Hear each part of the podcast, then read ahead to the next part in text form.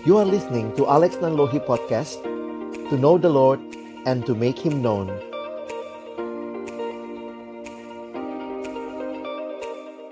Seperti pepatah yang bilang tak kenal maka tak sayang. Ya baik kami ini moderator yang akan memandu uh, acara diskusi kita pada malam hari ini. Perkenalkan namaku Talia Oktaviani panggilannya Talia.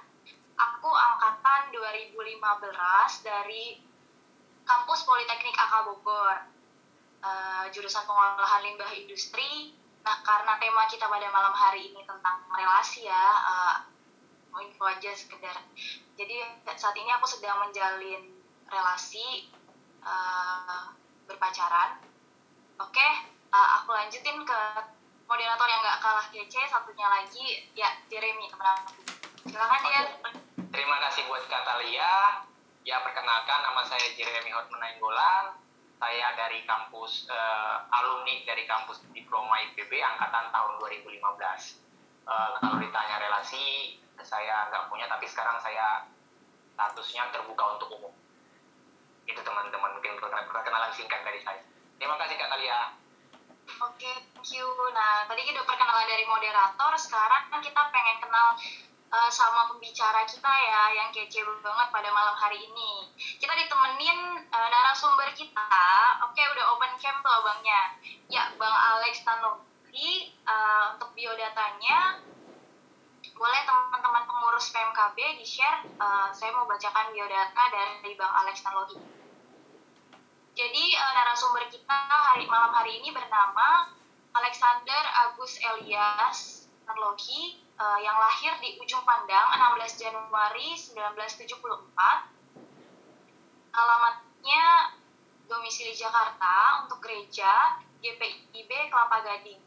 Nomor HP-nya tertera ya teman-teman. Kalau mau tanya-tanya tanya-tanya lebih lanjut kepada Bang Alex dipersilakan. Untuk pelayanannya saat ini sebagai staf perkantas Jakarta. Kalau boleh tahu Bang Alex sudah berapa lama ya main uh, di staf perkantas Jakarta?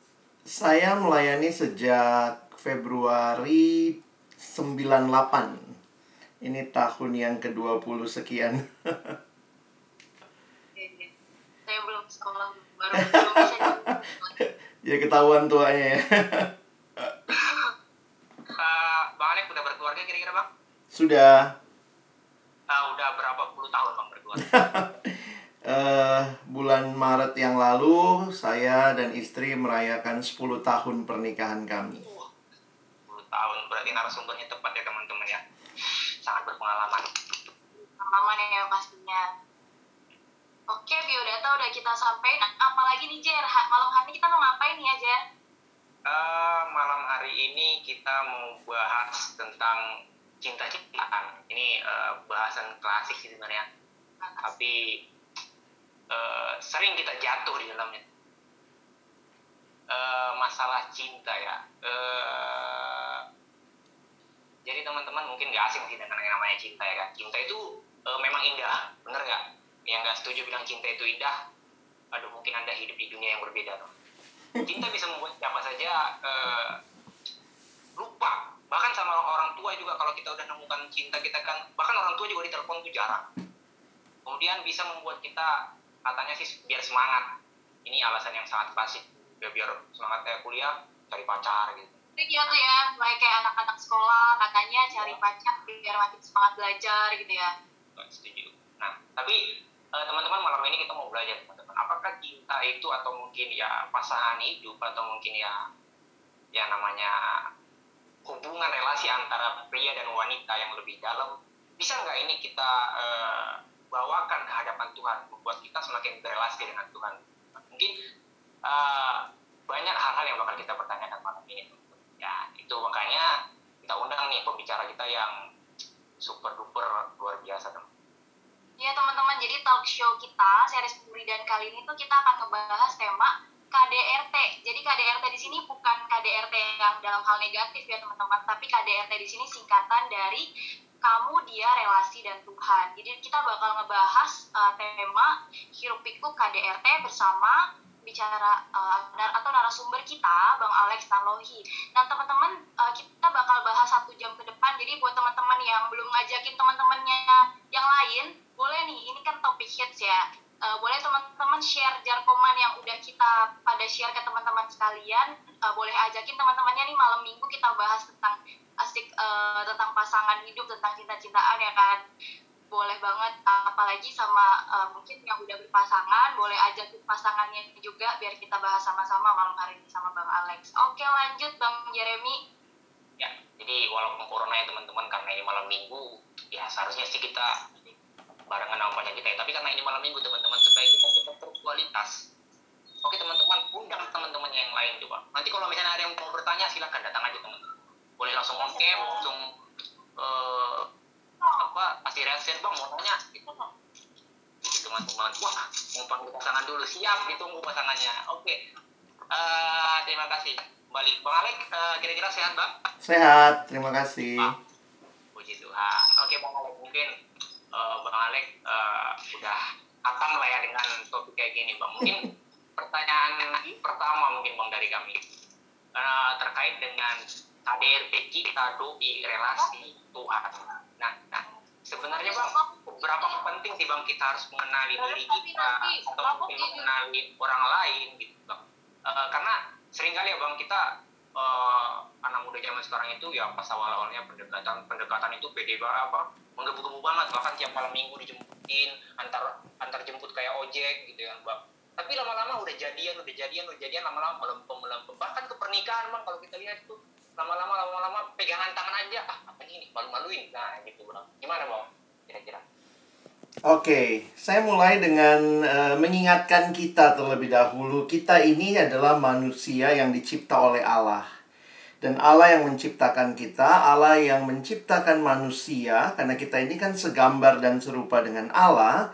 Allah yang menciptakan kita, menciptakan kita sebagai manusia yang berelasi. Jadi itu desainnya Allah buat hidup kita. Jadi di dalam uh, kehidupan kita kalau kita ingat di dalam Alkitab dikatakan tidak baik kalau manusia itu seorang diri. Jadi sebenarnya ayat itu bukan hanya bicara pacar-pacaran sebenarnya, tapi sebenarnya ini bicara tentang kemanusiaan yang sangat mendasar. Manusia makhluk sosial itu bukan teori sosiologi belaka, tapi itu apa yang Alkitab sampaikan, itu Tuhan rancangannya Tuhan jadi bayangkan setelah semua dicipta baik, baik, baik, sungguh amat baik di kejadian 1 dan 2, tiba-tiba kejadian 2 ayat 18 ada ayat mengatakan tidak baik kalau manusia itu seorang diri saja. Nah, jadi kalau kita lihat bahwa Tuhan menciptakan kita dalam relasi, kita membutuhkan satu sama lain dan juga Tuhan memberikan mandat bagi kita untuk beranak cucu bertambah, maka kita melihat bahwa hubungan cinta itu pun sebenarnya ada di dalam rancangannya Tuhan. Nah, itu yang kita nggak boleh lupa. Itu bukan cuma sekadar kita lagi senang, e, seolah-olah itu perasaan kita belaka, tetapi kalau betul kita menghayatinya dalam kerangka yang awal tadi, Allah yang menciptakan segalanya, maka hubungan uh, kasih itu pun ada di dalam rancangan Tuhan yang indah. Dan bahkan di dalam 1 Yohanes pasal 4 misalnya, kita pun memahami bahwa Allah adalah kasih. Jadi kalau mau belajar tentang kasih, belajarlah dari Allah. Jadi kita tidak bisa melepaskan diri dari Allah yang berencana dan Allah yang adalah kasih itu memanggil kita untuk saling mengasihi. Nah, jadi untuk memahami kasih ya bukan belajar dari drama Korea, dari lagu-lagu, dari novel-novel romantis, belajar dari Allah. Nah, mungkin bagian pertama saya mau tutup dengan sederhananya begini. Kalau kita menikmati kasihnya Allah, maka harusnya itu pun yang akan menolong kita belajar mengasihi satu sama lain. Nah, ini harus diperjuangkan. Kenapa? Karena saya meyakini ya bahwa Allah kita adalah Allah yang menginginkan manusia mengalami pertumbuhan termasuk di dalam kasih kita, di dalam cinta kita. Makanya kalau tadi misalnya Jeremy tanya, bagaimana tuh bang awal-awal pacaran kok kayaknya mesra banget nanti kalau udah menikah kayaknya eh mana matamu lihat sana sini gitu ya. Tapi sebenarnya ini ini prinsipnya ya. Jatuh cinta itu gampang. Yang sulit itu bangun cinta. Terus membangun cinta. Bagaimana saya dengan istri saya, saya berusaha ya, saya harus membangun cinta kepada dia di dalam kehidupan setelah 10 tahun menikah. Tetap harus dibangun. Bagaimana membangunnya? Komunikasi. Sama lah kayak kita ya. Gimana bangun cinta sama Tuhan ya? Satu teduh nggak kau tiap pagi? Baca Alkitab nggak? Itu kan membangun cinta. Jadi jatuh cinta itu mudah, yang sulit itu membangun cinta. Jadi kalau ada yang mulai pudar cintanya, jangan-jangan sudah lama dia nggak bangun cinta itu. Dan ingat cinta itu datang dari mana? Kasih itu datang dari Tuhan. Jadi Mengasihi Allah akan menolong kita bisa mengasihi sesama lebih baik lagi, tapi butuh perjuangan. Uh, dalam ya Bang ya? Ya. Baru pertanyaan pertama udah dalam gitu. Ya. Mungkin dari Kak Talia ada yang mau ditanyakan dulu Bang? Eh Kak? Oh Bang. Berubah jadi Bang coba. Oke, okay. uh, thank you ya buat Bang Alex untuk penjelasannya. Jadi kita nih dari yang kayak bakal cinta-cintaan uh, kita patokannya dari drama Korea ya tapi emang kita belajar mencintai itu ya belajar mencintai dari Allah dari kasihnya Allah gitu makanya kita bisa mengasihi sesama kita mm -hmm. okay. uh, nah bang uh, aku mau pengen nanya bang di sana itu saudara-saudara kita tuh ada yang dilarangkan di agama sekarang untuk berpacaran jadi ada istilah pacaran di agama mereka yang ada itu istilah ta'aruf itu katanya ta'aruf ini uh, jadi mereka kenal dalam waktu yang waktu tertentu gitu. Nah kemudian katanya tanpa pengenalan pengenalan lebih dalam uh, sudah saling percaya terus mereka memutuskan untuk menikah. Nah gitu. Terus uh, ada nggak sih bang sebenarnya istilah pacaran itu sendiri dalam kekristenan? Atau ada uh, cerita apa yang kira-kira kita bisa jadikan itu uh, sejenis seperti hubungan untuk berpacaran. Karena saya pernah uh, baca kisah di Alkitab yang kalau nggak salah itu uh, tidak melalui proses seperti berpacaran tapi hanya perjodohan aja. Itu contohnya seperti antara Ishak dan Ribka yang langsung dijodohkan sama orang tuanya gitu bang. E, gimana kira-kira kalau menurut bang Alex Iya, terima kasih Talia. Ini pertanyaan yang sangat baik, khususnya juga dalam kaitan kita diresponinya oleh saudara-saudara yang sepupu kita sering kali begitu. Apaan tuh pacaran, bikin jatuh dalam dosa, dan seterusnya. Nah, saya melihatnya begini ya, kalau memang ditanya apakah ada pacaran di dalam Alkitab, kita harus dengan tegas mengatakan tidak ada. Kenapa? Karena Alkitab diberikan dalam sebuah budaya konteks masyarakat Yahudi pada masa itu dan mereka tidak mengenal pacaran. Dalam budaya mereka seperti yang Talia tadi kutip, mereka mengenal istilah uh, pertunangan. Jadi dijodohkan begitu ya. Nah, mungkin memang ini lebih dekat dengan tanda kutip ta'aruf itu ya yang saudara-saudara sepupu kita mungkin terapkan. Tapi bagi saya yang menarik adalah kalau kita pelajari uh, apa yang terjadi pada masa itu, perhatikan ketika Abraham mengutus uh, hambanya untuk mencari jodoh atau me mencari uh, pendampingnya Ishak, ingat dia suruh pergi ke rumah sanak saudaranya, keluarganya. Ya itu kalau hitungan apa masih pariban kali itu ya. Jadi harus cari yang dekat dan kira-kira kenapa? Saya pikir di dalamnya ada beberapa hal yang berkaitan dengan kriteria, baik itu uh, pengenalan bibit bebet bobot lah, kira-kira seperti itu. Jadi, jangan juga berpikir seolah-olah pertunangan itu pun pertunangan yang tanda kutip tanpa ada uh, pertimbangan. Nah, di dalam budaya kemudian yang berlangsung dalam masyarakat Yahudi, menarik juga kalau kita perhatikan apa yang terjadi pada orang tua Yesus. Masih ingat Maria sama Yusuf? Nah, pertanyaan kita loh, kenapa mereka disebut tunangan? Karena itulah istilah yang ada pada waktu itu. Di dalam masa pertunangan di kemudian hari di masa orang tua Yesus, itu orang yang bertunangan, mereka itu sudah seperti menikah ikatannya, sekuat menikah, tetapi belum menikah karena masih bertunangan. Sehingga kedua pasangan atau kedua uh, orang ini yang bertunangan, mereka baliknya pulangnya ke rumah masing-masing. Jadi dalam masa ada yang mengatakan kira-kira satu tahun itu masa untuk tanda kutip menguji, mengenal.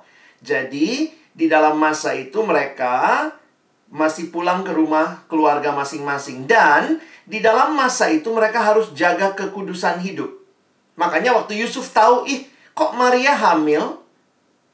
Dan dia kemudian berniat menceraikan Maria diam-diam, tapi malaikat tampak kepadanya dan berkata, "Maria hamilnya dari Roh Kudus, jangan kau ceraikan dia."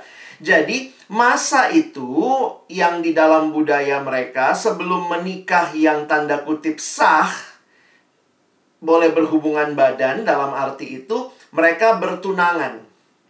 Nah, jadi kalau kita pikir-pikir sebenarnya prinsipnya yang penting.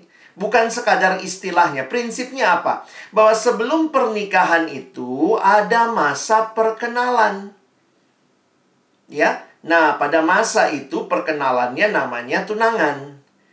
Nah, tunangannya itu kalau lihat orang tua Yesus uh, itu harus jaga kekudusan dan seterusnya dan menariknya lagi kalau kita perhatikan bahwa uh, kalau kedapatan tidak setia, Yusuf itu sebenarnya berhak menceraikan Maria. Jadi pertunangan masih bisa putus kalau kita lihat. Nah, di dalam istilah kita di zaman modern, maka kita menyebutnya, saya pikir walaupun kita tidak sedalam pertunangan ikatannya, tetapi masa pengenalan sebelum pernikahan itu yang kita sebut pacaran. Jadi, kalaupun tidak ada konsep pacarannya di dalam Alkitab, tetapi ada prinsipnya di mana kita butuh mengenal pasangan kita. Nah, itu kira-kira yang saya pikir harus kita pahami sehingga kita sebenarnya terbuka. Pacaran yang benar tujuannya pernikahan. Karena kan dalam rangka mempersiapkan pernikahan. Makanya kenapa pacaran jadi tidak benar? Sampai kita dikritik sama saudara kita, pacaran-pacaran, grepe-grepe, uh, berhubungan. Akhirnya mereka bilang, ah ta'aruf aja. Karena orang yang melakukan pacaran, pacaran tanpa tujuan. Tujuannya apa? Nggak jelas. Pacaran kenapa? Ya sudahlah, jomblo, males jomblo terus. Pacaran adalah supaya punya pacar, bisa cium-ciuman, pegang-pegangan, bisa berhubungan badan. Kalau itu yang jadi konsep, maka sebenarnya kita sendiri membuat konsep pacaran itu makin terlihat tidak baik dan tidak benar. Saya menghayati kalau pacaran tujuannya pernikahan, maka karena pernikahannya kudus, maka pacarannya pun harus kudus. Nah, mungkin itu yang saya pikir uh, jangan takut berpacaran. Kalau yang sana bilang nggak ada pacaran, pacaran itu cuma bikin jatuh dalam dosa, itu pacaran yang nggak benar. Tapi kalau kamu pacaran dengan benar, justru itu kesempatan yang baik untuk mengenal pasanganmu sebelum melangkah ke jenjang yang lebih lanjut uh, bang aku mau nanya ini hmm. ada pertanyaan dari pernyataan abang tadi. Yang abang bilang uh, prinsip dari pacaran itu yang penting ya bang hmm. nah uh, jadi bang uh, misal nih kan masih sampai sekarang aku rasa kayak perjodohan itu masih ada bang perjodohan okay. yang satu dari ini satu dari ini Baik. keduanya tiba-tiba jatuh eh apa nyatu langsung disuruh nikah nah, hmm. prinsip itu bagaimana bang atau kemudian uh, abang bilang tadi ada waktu untuk uh, bisa saling mengenal. Nah, contoh nih kita pacaran nih, uh, ada nggak waktu tertentu bang supaya kira-kira atau mungkin satu minggu, dua minggu, tiga bulan uh, supaya benar-benar meyakinkan kita uh, kalau oh udah cocok nih buat menikah. Nah, gitu. Wah ini pertanyaannya uh, menarik tapi juga dijawabnya nggak mudah ya karena sebenarnya pacaran ini uh, sebuah relasi itu seni ya ketimbang teori. Jadi ada yang bilang gini, pokoknya harus pacaran minimal sekian lama. Jadi sebenarnya gini, pacaran yang baik itu berapa lama sih? Nah, apakah satu minggu cukup? Apakah dua minggu cukup? Apakah sepuluh tahun baik? saya tetap melihat bukan masalah status pacarannya, tapi kualitas pacarannya. Jadi, apakah di dalam masa itu eh, benar-benar terjadi pengenalan?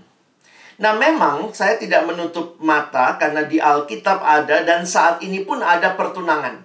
Tetapi kita pun ada di masyarakat yang semakin modern di mana orang punya hak atau orang tua pun mengerti ya.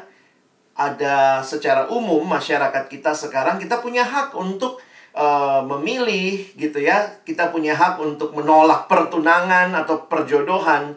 Tapi bagi saya yang penting sebenarnya begini nih. Uh, apakah pengenalannya sejauh mana? Bagi saya, kalau kita bicara pengenalan, memang tidak ada pengenalan yang tuntas sebelum memulai relasi. Bahkan, sesudah menikah pun, itu pengenalan tetap terjadi. Jadi saya belum bisa berkata juga saya sudah kenal semuanya tentang istri saya. Kita terus makin mengenal.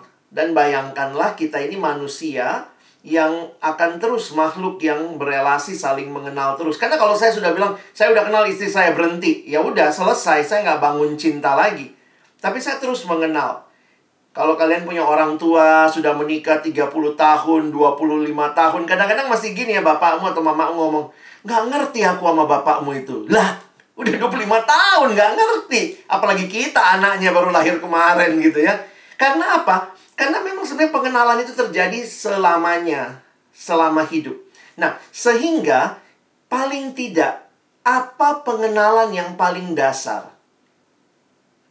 Kalau saya lihat yang paling dasar sebenarnya lihatlah apakah ya memang kalau bicara pacaran ya pastikanlah ya dulu abang selalu nomor satu harus seiman sekarang saya ganti nomor satu lawan jenis dulu ya lawan jenis lalu seiman pastikan itu lawan jenis, seiman, tapi saya mungkin perlu tambahkan lagi, seimannya ini bertumbuh.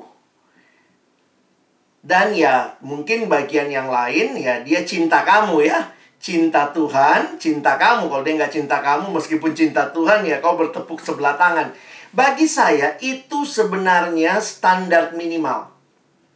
Sehingga, nah saya kasih tahu ya, sehingga di dalam beberapa kasus bahkan di zaman modern ada alumni PMK yang dijodohkan. Kenalnya nggak lama, tapi dia berani melangkah. Nah, saya pernah perhatikan karena dia melihat tiga hal ini. Pertama, lawan jenis. Kedua, orang itu cinta Tuhan dan bertumbuh. Dan yang ketiga, orang itu cinta dia. Walaupun itu kan harus dibangun. Cinta itu harus dibangun. Jadi kalau ada yang nanya, Bang, gimana dengan perjodohan? No problem kalau saya pikir kamu sangat meyakini Tuhan memimpin dan perhatikan paling tidak tiga hal itu. Memang kalau kita lihat pacaran seolah-olah tuh banyak kebebasan dari kita ya. Tetapi bahkan dalam kebebasan itu pun saya pikir tiga prinsip dasar ini harusnya teman-teman pikirkan dengan mendalam. Mungkin gitu sih, Dek.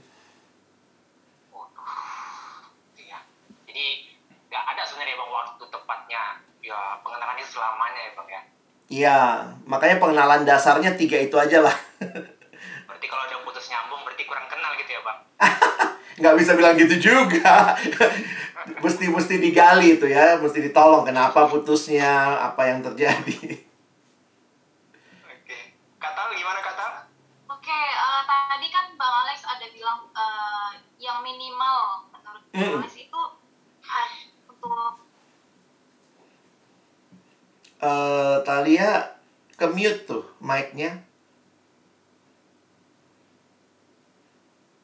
Seiman dan cinta kamu. Nah, sering juga kan kita bang uh, di apa kalangan Kristen ini kita sering dengar konsep uh, pasangan yang seimbang atau sepadan. Nah, uh, kalau menurut saya sih ini ke mute lagi deh. Ke mute lagi. otomatis kali ya. itu kali kita lihat orang yang berpacaran malah gak seiman. Mereka kayak excuse gitu. Mungkin uh, untuk tahap pengenalan nggak apa-apa. Siapa tahu nanti dia mem, uh, mau ikut maksudnya ikut kita gitu kan. Uh, malah justru kita ada juga yang mikir dengan begitu malah mungkin ini kesempatan buat mengenal Tuhan. Dengan dengan demikian kita bisa memberitakan tentang Tuhan sama dia gitu kan atau juga apakah sepadan ini tuh uh, harus sama-sama sukunya? Kadang ada juga orang yang kuat di suku gitu kan mikir kayak contohnya kalau Batak carinya yang Batak Chinese cuma Chinese. Atau um, mungkin juga profesi biasanya dokter sama dokter gitu kan. nyambung harusnya gitu. dokter sama pasien dong. Untuk ini bang sama pasien ya boleh juga kayaknya ya nah atau uh, ada juga nih yang nanya dari Slido gimana kalau uh, ininya pasangan kita itu ada perbedaan di usia yang cukup jauh mungkin uh, gimana kira-kira bang konsep seimbang atau sepadan dan yang benar itu oke okay. Saya coba share screen sebentar. Ada satu hal yang saya mau tunjukkan buat kita ya. Dari mana istilah itu? Dari mana istilah pasangan yang sepadan? Nah, saya mau tunjukkan bahwa di dalam Alkitab istilah itu muncul sebenarnya di dalam kitab Kejadian ini ya. Kejadian 2 ayat 18 sampai 25. Perhatikan ayatnya. Di dalam ayat ini dikatakan Tuhan Allah berfirman tidak baik kalau manusia itu seorang diri saja. Aku akan menjadikan penolong baginya yang sepadan dengan dia. Jadi, saya harus katakan jujur ya, kata sepadan ini sudah banyak kita kasih masukan arti yang tidak tidak ada dalam arti awalnya. Jadi ini kita tambahkan pengertian Alkitab dengan hal-hal yang kita lihat sebagai sepadan versi kita. Di dalam Alkitab versi sepadan masih ingat Allah ciptakan Adam kan?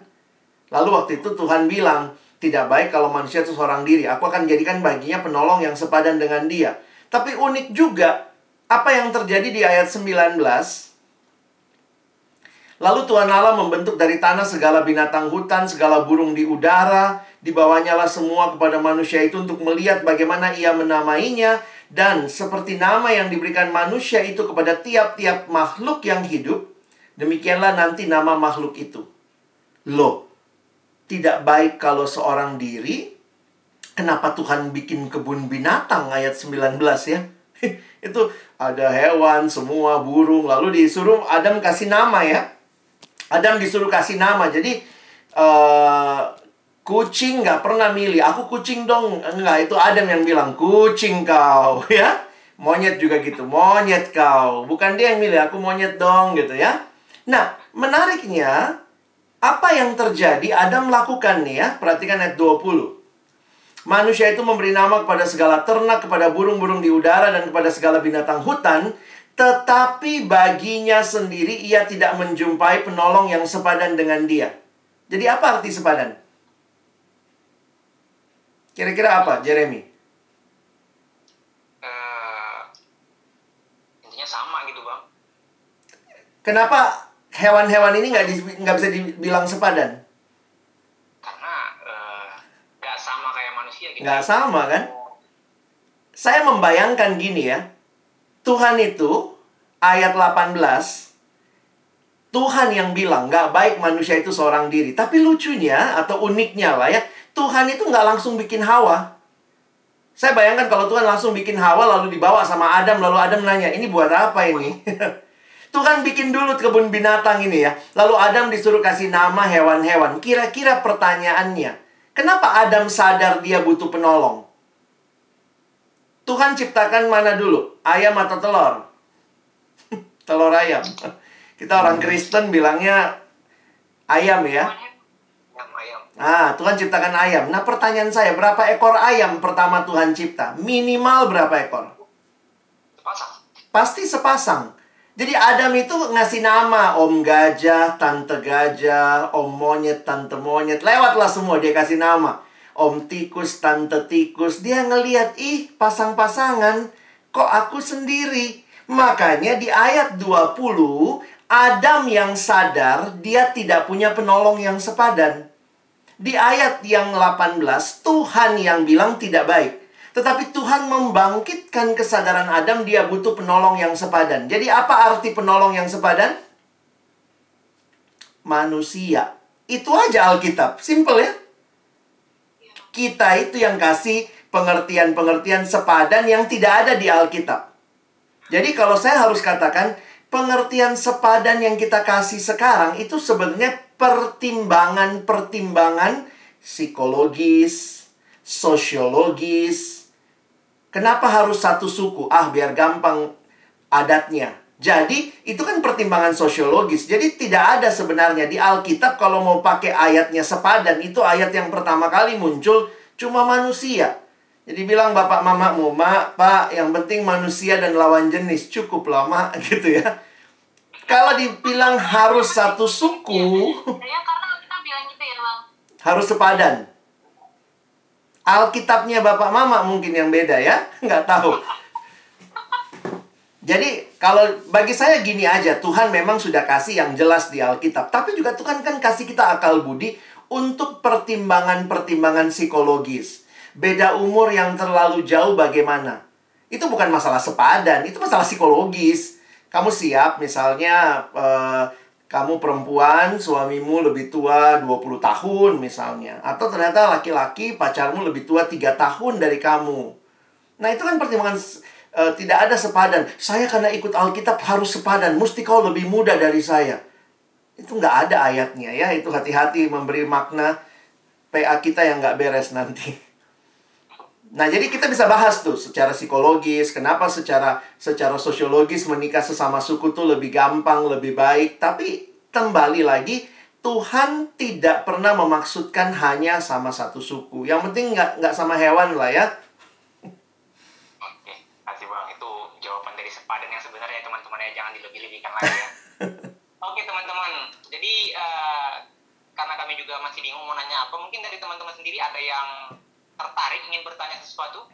Kalau ada boleh langsung angkat tangannya, raise hand, boleh langsung on cam. Oke, kalau on cam kayaknya nih uh, tadi aku lihat-lihat di Slido nih ada yang relate sama yang barusan Bang Oh, oke. jelasin. Silakan. Tadi sempat dibilang kalau Allah menciptakan manusia berpasang-pasangan. Kalau misalnya kita memilih untuk tidak menikah seumur hidup, bagaimana ya, Bang? Nah, gimana bang? Allah menciptakan manusia berpasang-pasangan itu sebenarnya cuma Adam sama Hawa yang benar-benar berpasangan di awalnya. Kemudian dalam realita ke, ke bawahnya, saya tetap melihat bahwa Tuhan menyediakan pasangan bukan berarti Tuhan menciptakan pasti berpasangan. Karena ada yang tidak menikah itu realita. Ada orang-orang yang di negara tertentu jumlah perempuan lebih banyak dari laki-laki. Di dalam perang-perang yang terjadi misalnya, maka banyak perempuan yang jadi janda karena suaminya meninggal. Jadi realita dalam dunia kita harus melihat, saya rasa tidak terlalu tepat istilah Tuhan menciptakan orang pasti berpasangan. Tidak. Tapi Tuhan menyediakan pasangan, oke lah ya. Dan ada yang Tuhan panggil untuk berpasangan, ada yang tidak. Dan kalau kita ingat Yesus pun manusia yang sempurna, dia tidak menikah. Jadi tidak bisa kita bilang konsep Alkitab semua berpasangan. Harusnya Yesus ada pasangannya dong. Tapi nggak demikian. Jadi jangan melebih-lebihkan lah ya apa yang Alkitab sampaikan. Oke bang, dapat pandangan baru ya teman-teman ya. Jadi bukan eh, nggak semua berpasangan ya teman-teman ya. Jadi jangan sedih. Mungkin bagi para jomblo yang malam minggu ini hanya di kosan sendiri, jangan sedih. Oke, di sini ada teman kita dari Gabriela Natali nih, ingin bertanya. Mungkin Gabriela boleh on cam dan on mic, boleh langsung sampaikan aja pertanyaannya. Ya, selamat malam, shalom semuanya, shalom bang. Eh, izin bertanya, mau bertanya tentang eh, dalam memulai suatu hubungan. Jadi, eh, apakah benar dalam memulai suatu hubungan atau PDKT, yang pendekatan, ada yang bilang eh, eksklusivitas seperti kayak jalan berdua atau kayak eh, dating gitu, kayak ngobrol berdua, pergi jalan-jalan gitu ya. Itu tuh kalau sebelum jadian itu salah gitu. Eh, dan kalau mau PDKT tuh kenalnya dari kelompok orang dulu atau rame-rame gitu. Jadi dalam satu grup misalnya kita kenal si A gitu kita jadi kenalannya lewat kelompok grup itu gitu soalnya eh, aku menemukan beberapa eh, gereja gitu mengajarkan hal itu sih jadi bagaimana terima kasih Baik. Saya langsung jawab. Boleh bang. Oke. Di dalam MHB ada ada bab yang ke-10 yang sering kali ditunggu-tunggu. Dan itu ada ada pertanyaan ini ya. Lihat di screen ya. Jadi ketika kami memasukkan pertanyaan ini waktu bikin MHB, eh, berilah definisi untuk hal-hal berikut. Maksudnya apa? Kenapa perlu diberi definisi untuk hal-hal berikut supaya kita juga jelas kita sedang dalam tahap apa. Mungkin kalau saya pribadi tidak sekaku itu ya, saya nggak tahu kalau itu jadi aturan gereja harus melewati proses, tapi paling tidak untuk generasi teman-teman, saya pikir harus jelas kita dalam tahapan apa. Kalian ada di sebuah generasi, saya bilang kalian karena kita memang jujur beda generasi ya sekarang ini banyak yang suka relasi kedekatan tidak mau komitmen. Jadi makanya caranya kita menolong untuk memberikan definisi ini penting. Kalau jalan berdua, ngobrol berdua cukup dekat, WA-WA-an atau lain-lainan, pertanyaannya sudah makan belum? Terus ditanya, kamu pacaran? Enggak, masih PDKT. Nah, itu berle ya, berlebihan itu ya agak perlu dipertanyakan karena realitanya begini. Uh, kenapa nggak pacaran aja? Kami masih takut bang, takut putus. Kamu takut putus tetapi kamu sudah sangat dekat tapi tidak berani berkomitmen. Jadi masalahnya bagi saya kenapa ini penting ya? Memberi definisi. Perhatikan ya, kalau saya tambah dengan berteman. Saya punya ponakan waktu dia TK, kita tanya sama dia, dia perempuan.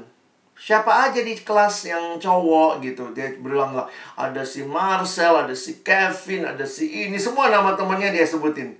Terus kita tanya, cowokmu yang mana? Biasalah kita om-omnya kan bercanda gitu. Yang mana pacarmu? Ah, oh si Kevin, si Marcel, si Roy, semua cowok juga pacarnya dia. Nah, itulah anak TK. Bayangkan kalau kamu sudah kuliah, sudah di tahap kedewasaan tertentu, tapi semua orang juga kau perlakukan sama. Semua orang juga pacarmu, semua orang juga baik gitu. Oh, nggak bisa. Kamu bikin PHP itu, yang laki-laki itu, maaf Roy. yang laki-laki itu, kalau begitu kamu jadi nggak tahu ini tahapannya apa. Makanya saya suka tanya, apa bedanya teman sama sahabat? Teman lebih banyak. Karena kita bisa berteman dengan siapa aja, tapi sahabat lebih dikit. Karena sahabat itu bisa lebih dalam relasinya. Lalu sahabat sama pacar bedanya apa? Ya jelas, sahabat bisa sama sesama jenis. Pacar sudah masuk kepada lawan jenis. Lalu apa bedanya pacar sama sahabat? Boleh nggak sahabatan dekat dengan lawan jenis? Boleh. Tapi apa bedanya sama pacar? Ada komitmen. Nah itu yang harus diperjelas. Kamu pacarku, aku pacarmu. Jadi ada komitmen. Tunangan, bedanya sama pacaran apa? Yang bilang, ah, lebih mahal bang. Iya ya, kalau tunangan ya. Lebih mahal memang ya. Tapi poinnya adalah waktu tunangan itu sudah diketahui umum komitmennya sebelum pernikahan. Dan kalau pentunangan, pacaran masih bisa putus. Itu realitanya. Pernikahan, ya kesatuan yang dalam Tuhan dan itu tidak boleh diceraikan. Kenapa definisi seperti ini penting? Supaya teman-teman juga terjaga. Saya harus katakan kalimat ini buat kita semua ya. Dalam pengalaman saya membimbing, saya menemukan kedekatan lawan jenis pria wanita tanpa komitmen itu cenderung menyakitkan. Saya ulangi. Kedekatan relasi pria wanita tanpa komitmen itu cenderung menyakitkan. Tapi kalau kamu nanya, Bang, kami kan lagi PDKT. PDKT lah yang sewajarnya dan ada batas waktu. Jangan PDKT, ya kami PDKT-nya ini udah setahun bang. Hah? Setahun? PDKT, apa yang membuat kamu tidak melangkah? Kami belum yakin, tetapi setiap hari WA-nya, SMS-nya udah kayak orang pacaran pergi ke mana-mana berdua. Bagi saya sebenarnya itu cenderung menyakitkan. Beberapa kasus saya lihat tiba-tiba yang satu ketemu yang dia suka, ditinggal lah. Terus kemudian waktu yang satu sakit hati, yang sana bilang, loh kami nggak ada apa-apa kok bang. Tapi saya bilang kalian waktu PDKT kedeketan.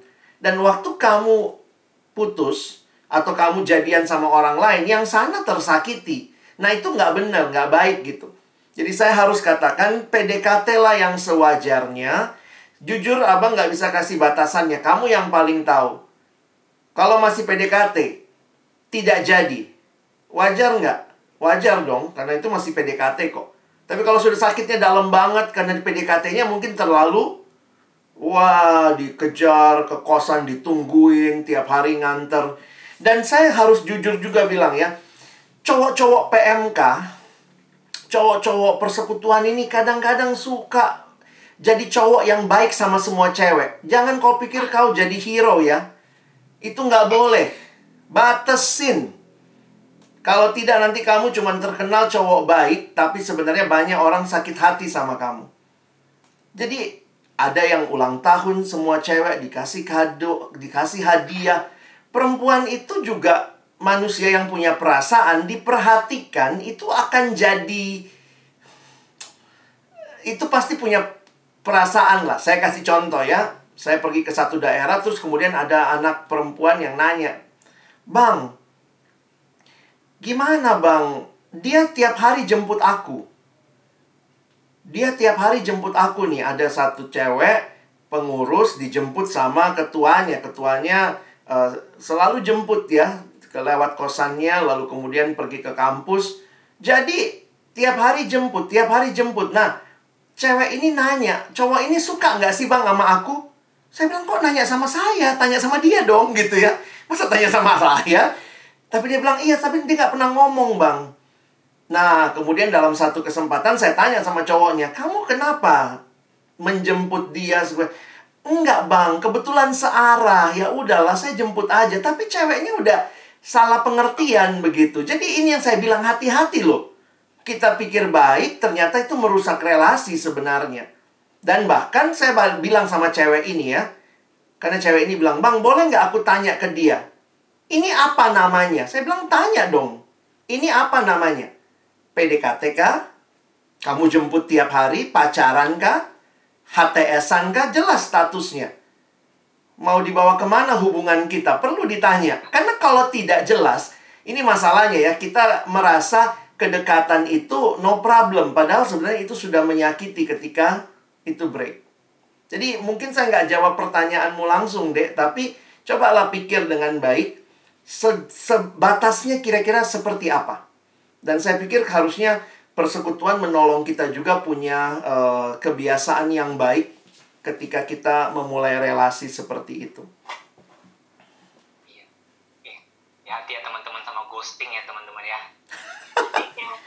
Iya, sama-sama. Ya dia yang yang ghosting bilangnya apa? Gue nggak gue nggak pacaran sama dia kok bang. Ya mau salahin apa juga, tapi ceweknya udah ngerasa. Ya balik ke cewek tadi ya. Saya bilang tanya sama cowok itu. Nanyanya gimana bang? Ya tanya kayak apa, mesti bayar kayak mana tahu dia gojek tiap hari jemput kamu. Jadi Jangan menikmati kebaikan tanpa kejelasan. Kalau perlu, tanya, ini apa? Karena kalau tidak, nanti kamu sudah kejauhan mikirnya. Karena cewek tuh kalau suka, apa pun tindakan orang itu ditafsirkan. Dia kemarin ngasih aku kado, Bang. Terus saya tanya sama cowok itu. Ini pernah saya tanya ya, ada satu cowok baik ya. Cowok baik yang merusak banyak relasi. Bang, aku kasih juga sama si cewek ini kalau ulang tahun. Aku juga kasih sama si ini, kasih sama si ini. Saya bilang lah sama cewek itu, jangan GR kau. Kau cuma salah satu dari yang dia bayain. Tapi bang, dia beda. Dia beda. Nah, sudahlah, saya bilang kau tanya sendiri. Nggak berani bang, tapi aku rasa dia beda. Ya sudah. Sampai akhirnya cowok itu jadian, cewek itu baru bilang, iya ya bang, bukan aku yang dipilih. Sedih kali.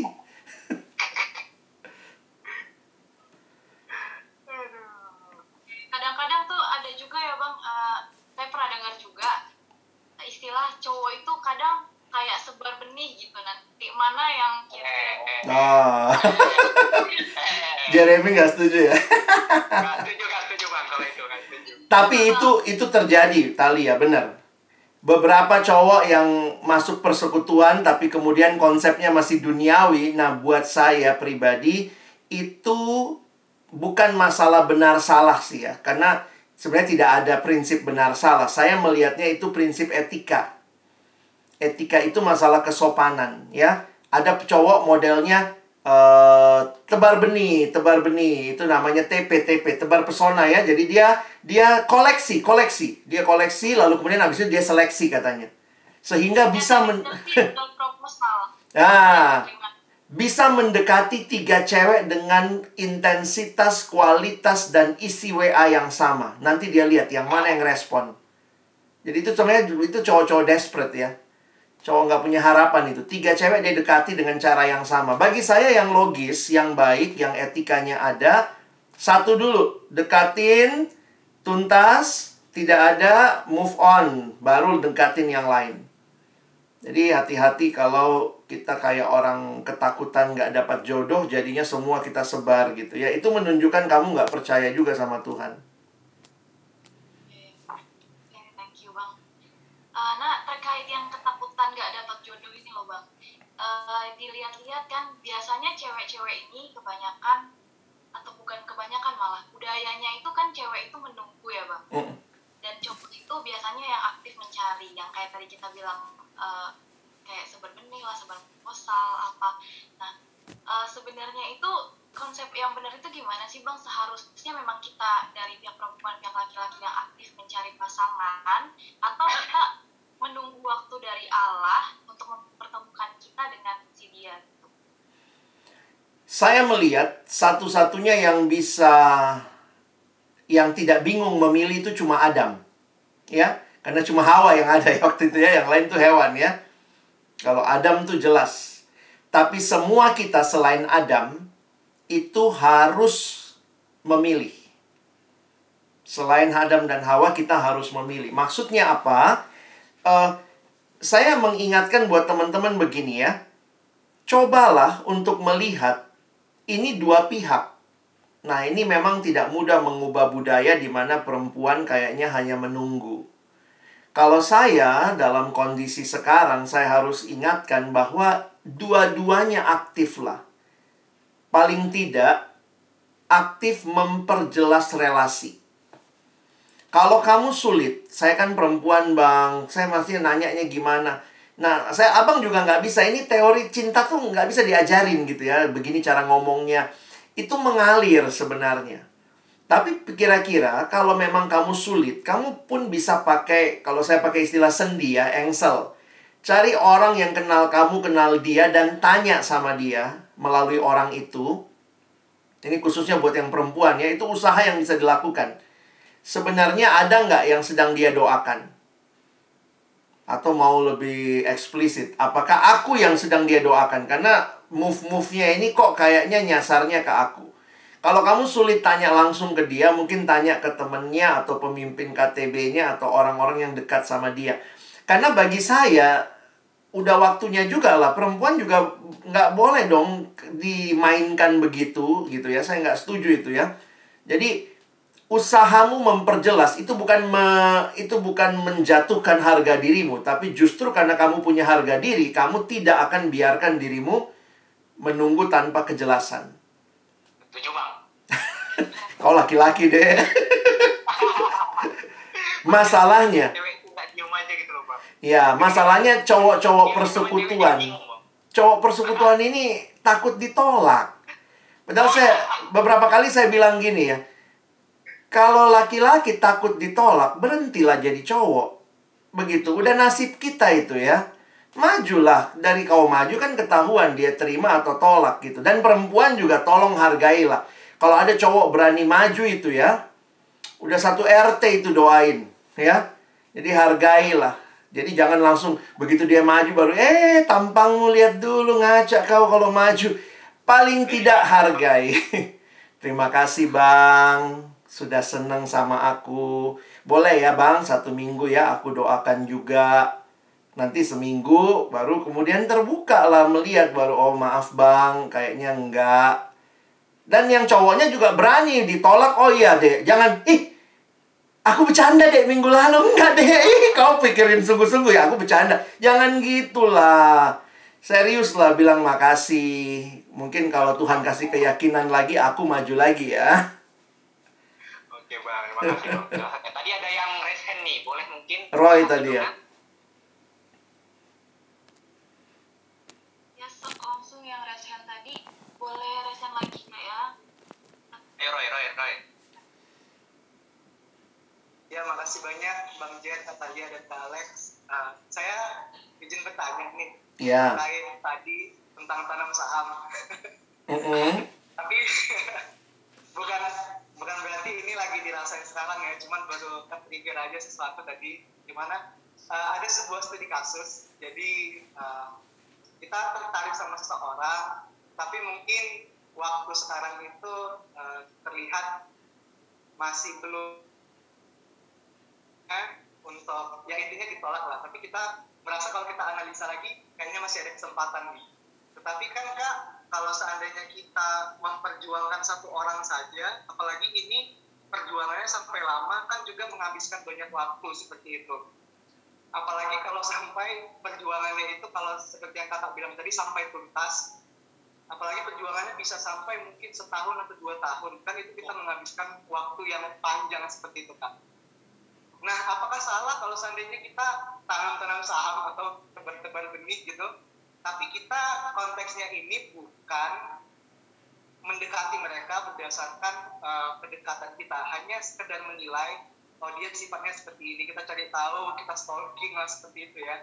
Kita cari tahu apakah kesukaan dia sama juga dengan kesukaan kita, apakah cocok, hanya sekedar seperti itu saja kak. Tidak seperti menebar-nebar perhatian yang berlebihan yang membuat dia. Jadi intinya tebar benih di sini lebih kepada uh, kita banyak mengenal banyak eh banyak mengenal lawan jenis kita, karakter dia sehingga nanti ketika saat yang tepat mungkin kita bisa seleksi mana yang paling tepat untuk kita perjuangkan berikutnya gitu kan. Jadi seperti singkatnya itu kita mempersingkat waktu perjuangan gitu kan. Ternyata ini bukunya Terima ya. kasih banyak. Thank you. Kalau saya jadi perempuan dan saya tahu kamu ngejar saya, tapi pada saat yang sama kamu kenal yang lain, saya akan bilang kamu nggak serius sebenarnya nunggu saya gitu. Poin saya sebenarnya begini ya. Buat teman-teman yang lagi ngotot sama orang tertentu, sekalipun sudah ditolak, silahkan maju lagi, tetapi kamu kasih batas waktu. Kamu kasih batas waktu, misalnya setahun inilah saya tungguin, mungkin waktunya tepat saya maju lagi. Tapi dengan kamu fokus kepada satu orang, bagi saya itu sebenarnya menunjukkan juga kegigihanmu untuk memperjuangkan cinta yang Tuhan berikan. Kalau ternyata bukan, maka itu kan juga bisa ya dengan kita kasih batas waktu yang sama-sama kita doakan di hadapan Tuhan. Ketimbang kamu pada saat yang sama bilangnya sedang nunggu yang satu ini padahal lagi buka peluang. Bagi saya sebenarnya kalau saya jadi perempuan dan saya tahu kamu begitu, saya bisa bilang kamu nggak serius sama saya gitu loh. Ya, logikanya sederhananya begitu. Jadi mengenal yang lain bisa, boleh aja sahabatan ya. Dan memang potensi terbaik untuk jadi pacar tuh sahabat. Jadi sebenarnya proses seleksinya bagi saya di sahabat. Misalnya bagaimana caranya? Bang, siapa ya pacarku? Saya kadang bilang gini, list lah semua sahabat lawan jenismu. List aja kan anak PMK. Si Jeremy, si Roy, si ini, si ini yang masih single. List aja. Habis kau list nanti lihat-lihat lah. Tuhan mana yang kiranya pas gitu ya. Berikan kami kesempatan untuk kenal lebih dekat begitu. Bisa aja.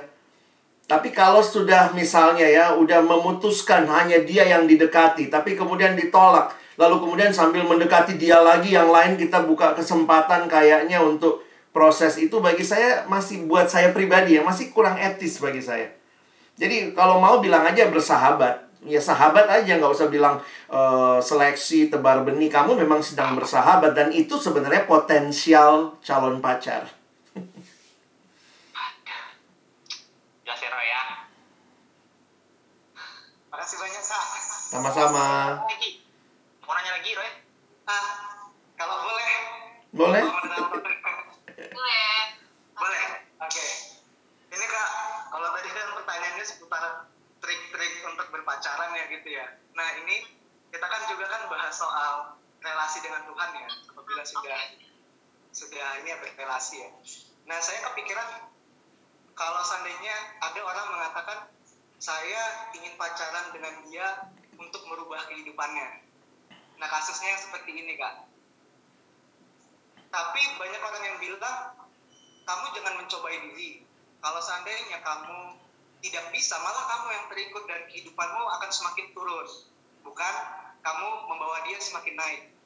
Tetapi saya kepikiran juga kak, jadi untuk orang-orang yang seperti itu yang mungkin dari segi karakter dia kurang baik, apakah mereka akan seperti itu saja? Apakah orang-orang seperti itu hanya akan mendapatkan pasangan yang tidak baik juga, sama seperti dia kak seratanya seperti itu? Apakah orang-orang seperti itu tidak dapat, uh, tidak bisa menerima kesempatan untuk mendapatkan kasih dari orang yang baik, yang ingin mendorong dia kepada Tuhan gitu kak? Itu kak, makasih. Thank you. Saya melihat Tuhan selalu punya cara untuk orang-orang miliknya.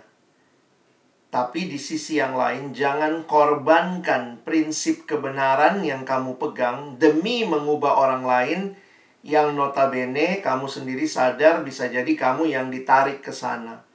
Jadi, eh, eh, mungkin kalau pakai bahasa sederhananya ya, biarkanlah yang tadi Roy pikirin itu urusan Tuhan lah sama orang itu.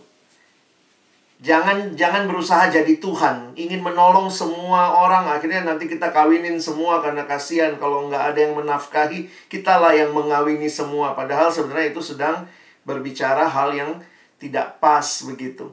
Jadi eh, kita tetap meyakini bahwa prinsip itu penting. Makanya kalau saya menambahkan, bukan cuma seiman loh. Seiman dan bertumbuh. Loh bang, nanti bagaimana yang nggak bertumbuh, bagaimana yang nggak? Itu Tuhan punya cara lah. Tapi paling tidak buat kamu, itu punya prinsip itu. Sehingga misalnya, kalau misalnya pacarmu atau calonmu itu kurang bertumbuh, maka masa pacaran cobalah lihat, bisa nggak kita bertumbuh bersama? Ini kan masa mengenal. Bagi saya lebih baik seperti itu, ketimbang kita sudah berani melangkah ke tahap seperti pernikahan tanpa melihat orang ini berubah atau tidak, bertumbuh atau tidak. Ya, sebenarnya kalau abang cerita, saya nggak agak nggak nggak terlalu enak cerita ya, karena uh, ini banyak kasus alumni-alumni yang kita layani. Itu karena salah pilih pasangan. Aduh, sedih banget hidupnya. Jadi makanya kadang-kadang saya mikir gitu ya. Ada alumni misalnya cari pasangan ya cuma sesama Kristen nih. Yang penting Kristen bang, umurnya udah nambah, takut nggak dapat ya udah carinya asal Kristen, tapi bukan Kristen bertumbuh, bukan Kristen yang cinta Tuhan. Jadi begitu menikah, pasangannya ini biasa melayani, akhirnya nggak melayani lagi. Kenapa? Suaminya mungkin mengatakan nggak usahlah itu pelayanan-pelayanan, ngasih persembahan nggak usahlah itu buat tabungan kita lah itu jadi ada hal-hal yang akhirnya saya lihat, iya ya ini cuman karena masalah pasangan yang tidak dipertimbangkan dengan baik. Cuma asal Kristen. Jadi saya ketemulah beberapa kasus seperti itu dan itu yang membuat saya ya agak ketat ya meyakini Tuhan pasti siapkan kalau memang Tuhan mau kamu menikah, masa Tuhan biarkan? Pasti Tuhan siapkan. Kadang-kadang untuk yang perempuan ya, kadang waktu dia jadi pengurus di kampus, cari pengurus nggak boleh yang ngerokok. Nanti suaminya ngerokok juga nggak apa-apa. Sedih banget hati saya.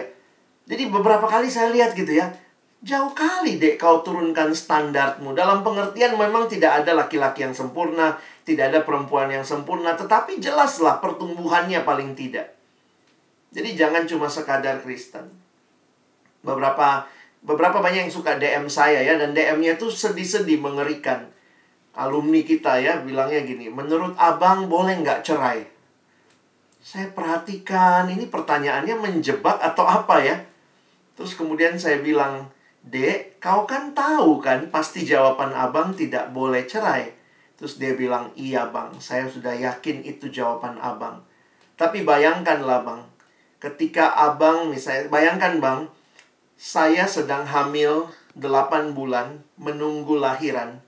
Suami saya lagi berlibur dengan seorang perempuan di sebuah pulau. Wih saya kaget baca itu. Pertanyaan saya apa? Dapat di mana dek suamimu gitu ya? Kan itu bagi saya di mana kau ketemu suami kayak gitu? Dia bilang iya bang karena takut tidak menikah, aku lihat ada orang yang Kristen dikenalkan, ya sudahlah, nggak apa-apalah Kristen, dia tidak hidup sungguh-sungguh dalam Tuhan. Saya pikir nanti saya bisa ubah dia, nggak mudah. Jadi kalau mengubah orang itu bukan tujuan pernikahan, ingat ya. Tujuan pernikahan bukan mengubah orang. Kalau mau dengan baik, ubah dulu dia dalam arti bertumbuh dulu, baru kita jalan. Tentu pertumbuhan itu naik turun ya tapi ini jangan korbankanlah prinsip. Yang lain itu urusan Tuhan. Tapi jangan jadi, jangan jadi takut menikah ya. Masih banyak pula abang punya cerita-cerita indah pernikahan ya.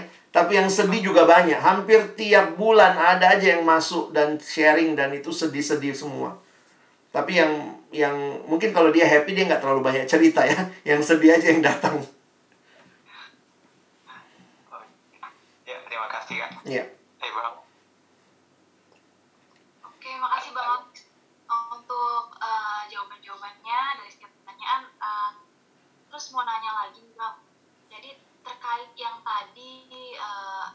Ada apa isu jadi cerai, jadi putus, mungkin uh, beberapa alasannya kebanyakan orang itu karena banyak ketidakcocokan, terus uh, belum ternyata belum kenal satu sama lain, terus uh, kecewa satu dengan yang lain.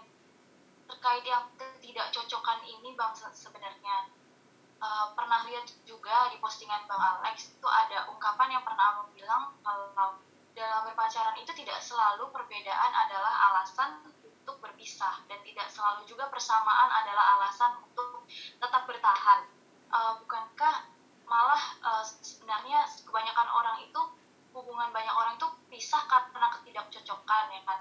Uh, dan malah makin meyakini dengan banyaknya ketidakcocokan ini apa ini suatu tanda gitu dari Tuhan yang seperti konfirmasi gitu dari Tuhan uh, apa pernyataan abang ini maksudnya kayak agak kontradiksi gitu dengan gimana realita yang sedang kita hadapi gitu bang baik uh, saya boleh share screen sebentar oke bang boleh ada beberapa mitos tentang pernikahan kan pacaran kita kan tujuannya menikah. Jadi ya kita pelajari sedikit lah. Mitos pertama tuh ini. Saya akan bahagia jika saya menikah. Teman-teman, bahagia itu bukan karena pernikahan. Bahagia itu karena kamu di dalam Yesus. Jadi yang jomblo bisa bahagia nggak? Oh bisa ketika kamu di dalam Yesus. Sementara yang menikah, bisa bahagia nggak? Bisa nggak bahagia? Oh bisa kalau nggak dalam Yesus. Makanya abang suka ngomong gini ya. Kalau pernikahan bikin bahagia, dari TK saya suruh kau menikah biar bahagia kau. Tapi karena yang bikin bahagia itu adalah Kristus, maka kita PI sama kamu sejak kamu TK, kamu masuk kuliah, masuk SMA, kita selalu memberitakan Yesus karena hanya dalam Yesus ada kebahagiaan. Jangan kita ganti seolah-olah kebahagiaan itu karena pernikahan. Perhatikan kalimat ini. Kalau jomblo saja engkau tidak bahagia, maka jangan harap ketika menikah engkau bahagia.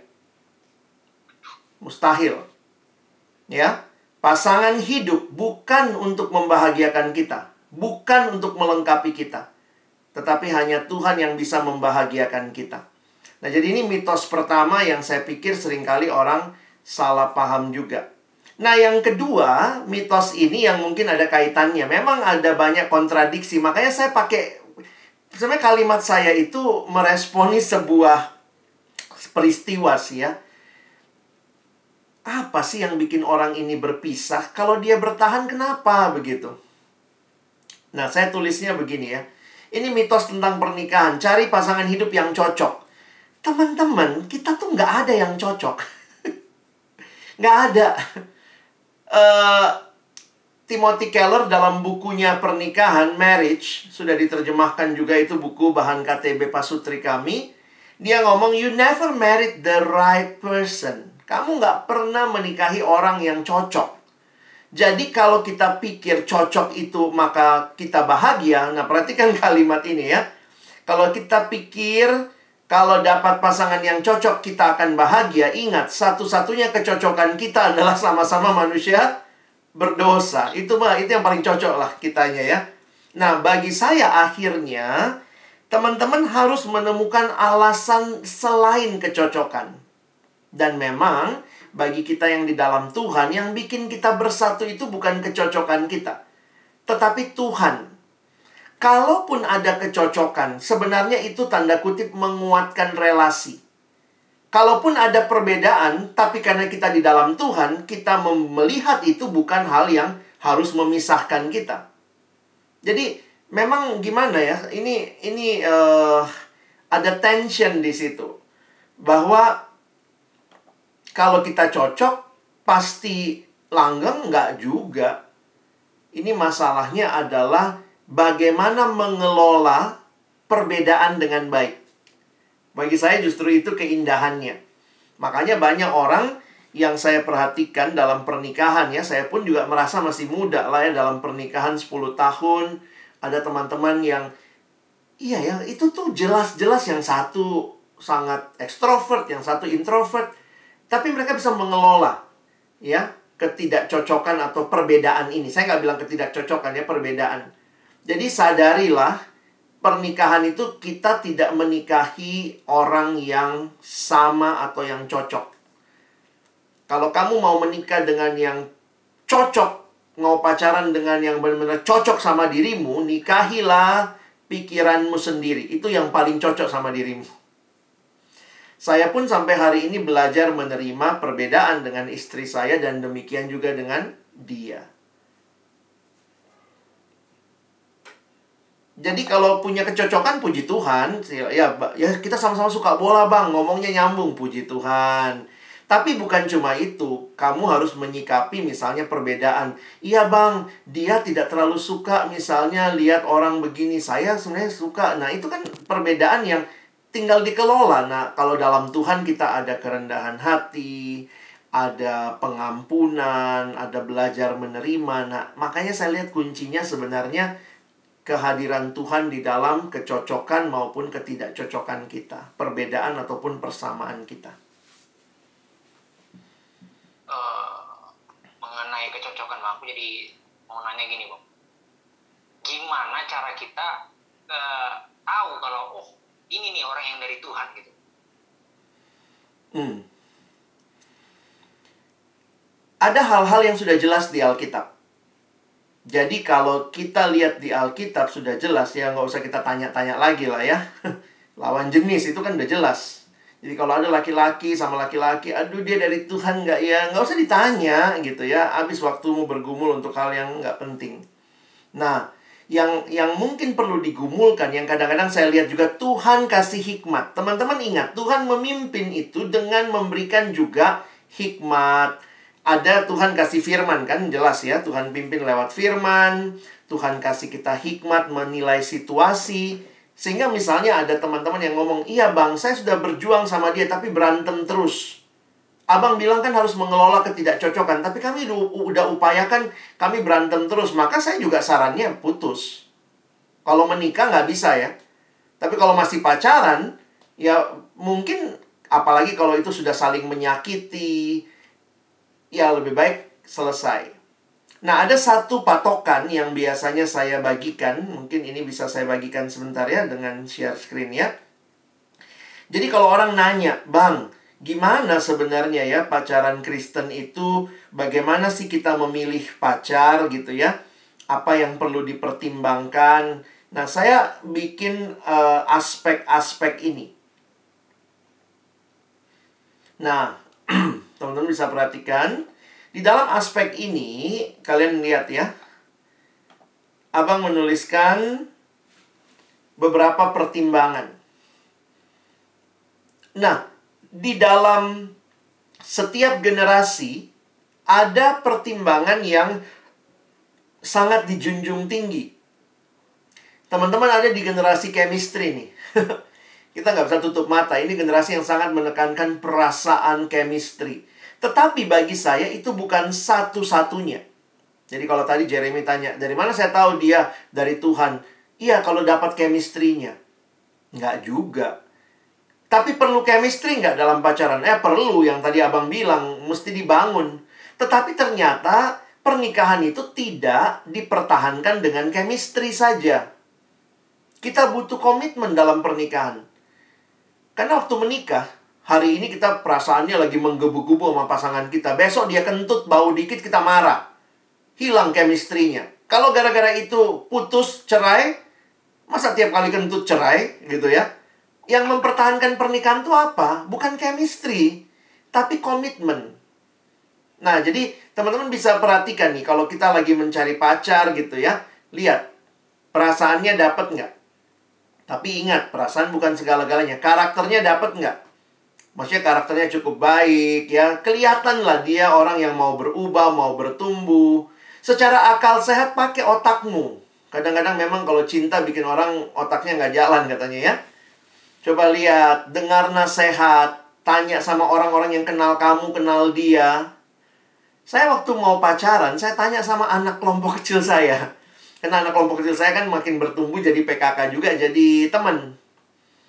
Saya bilang sepengenalanmu sama aku dan dia waktu itu uh, apa uh, kenal juga gitu ya sama pasangan saya. Bagi menurut kamu gimana? Nah dia kasih pertimbangan tuh. Nah saya mesti mikir, jangan karena suka nggak mau dengar pertimbangan. Nah, tapi yang keempat, nah ini yang kadang-kadang orang abaikan adalah pengenalan akan Tuhan dan pertumbuhan rohaninya bagaimana. Nah, abang kasih contoh. Ada anak pergi KKN. Di KKN di kampung dua bulan di sana, ketemunya orang itu terus, orang itu terus. Jadian mereka. Bukan jadian sih ya. Meraih PDKT. Dia bilang, bang, aku dapat banget bang chemistry-nya sama dia. Lalu anaknya juga karakternya baik bang. Menurut abang bagaimana? Saya ditanya begitu, saya bilang, ya bagus lah dek. Kamu kan pengurus, ya udahlah, jadian lah. Terus dia bilang, ih bang, tapi dia bukan anak Tuhan. Hah? Jadi lihat ya, kedekatan lokasi itu bisa membuat cinta tumbuh loh. Dan ketika itu tumbuh, orang kadang berpikir yang penting chemistry-nya. Yang penting dia anaknya baik, tapi lupa dia bukan anak Tuhan. Jadi memang nggak bisa kita cuma melihat satu sisi ya. Nah, saya kasih contoh yang ekstrim satunya lagi.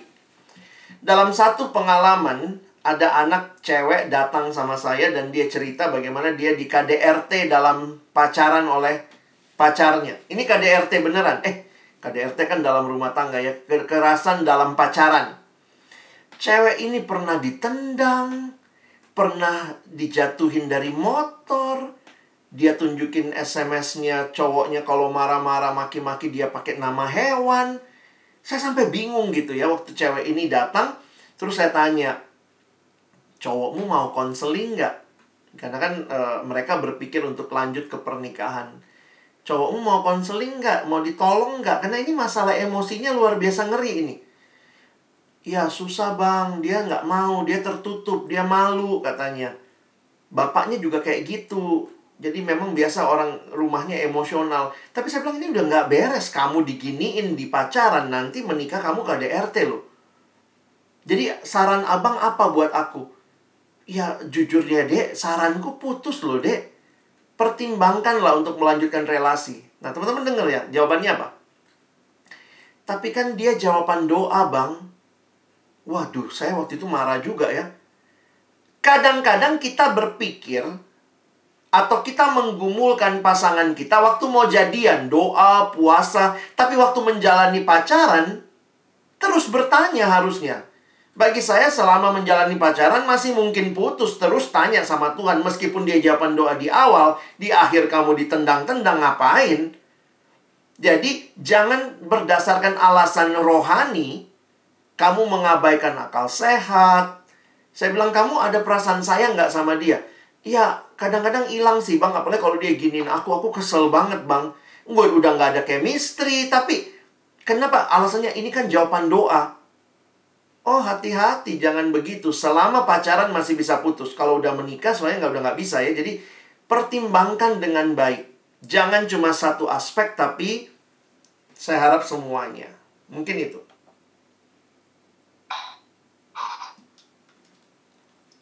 Oke bang, thank you bang. Oke bang Jeremy mungkin ada pertanyaan lagi? Iya, aku terkait di pertanyaan simpel sih bang. Tadi kan abang bilang kan selama masih pacaran masih boleh putus, nyambung putus, nyambung putus gitu lah ya kan bang. Bukan berarti disarankan untuk putus ya. Nah, jadi bang kan biasanya bang masuk di tengah-tengah hubungan orang itu kan enak bang gitu.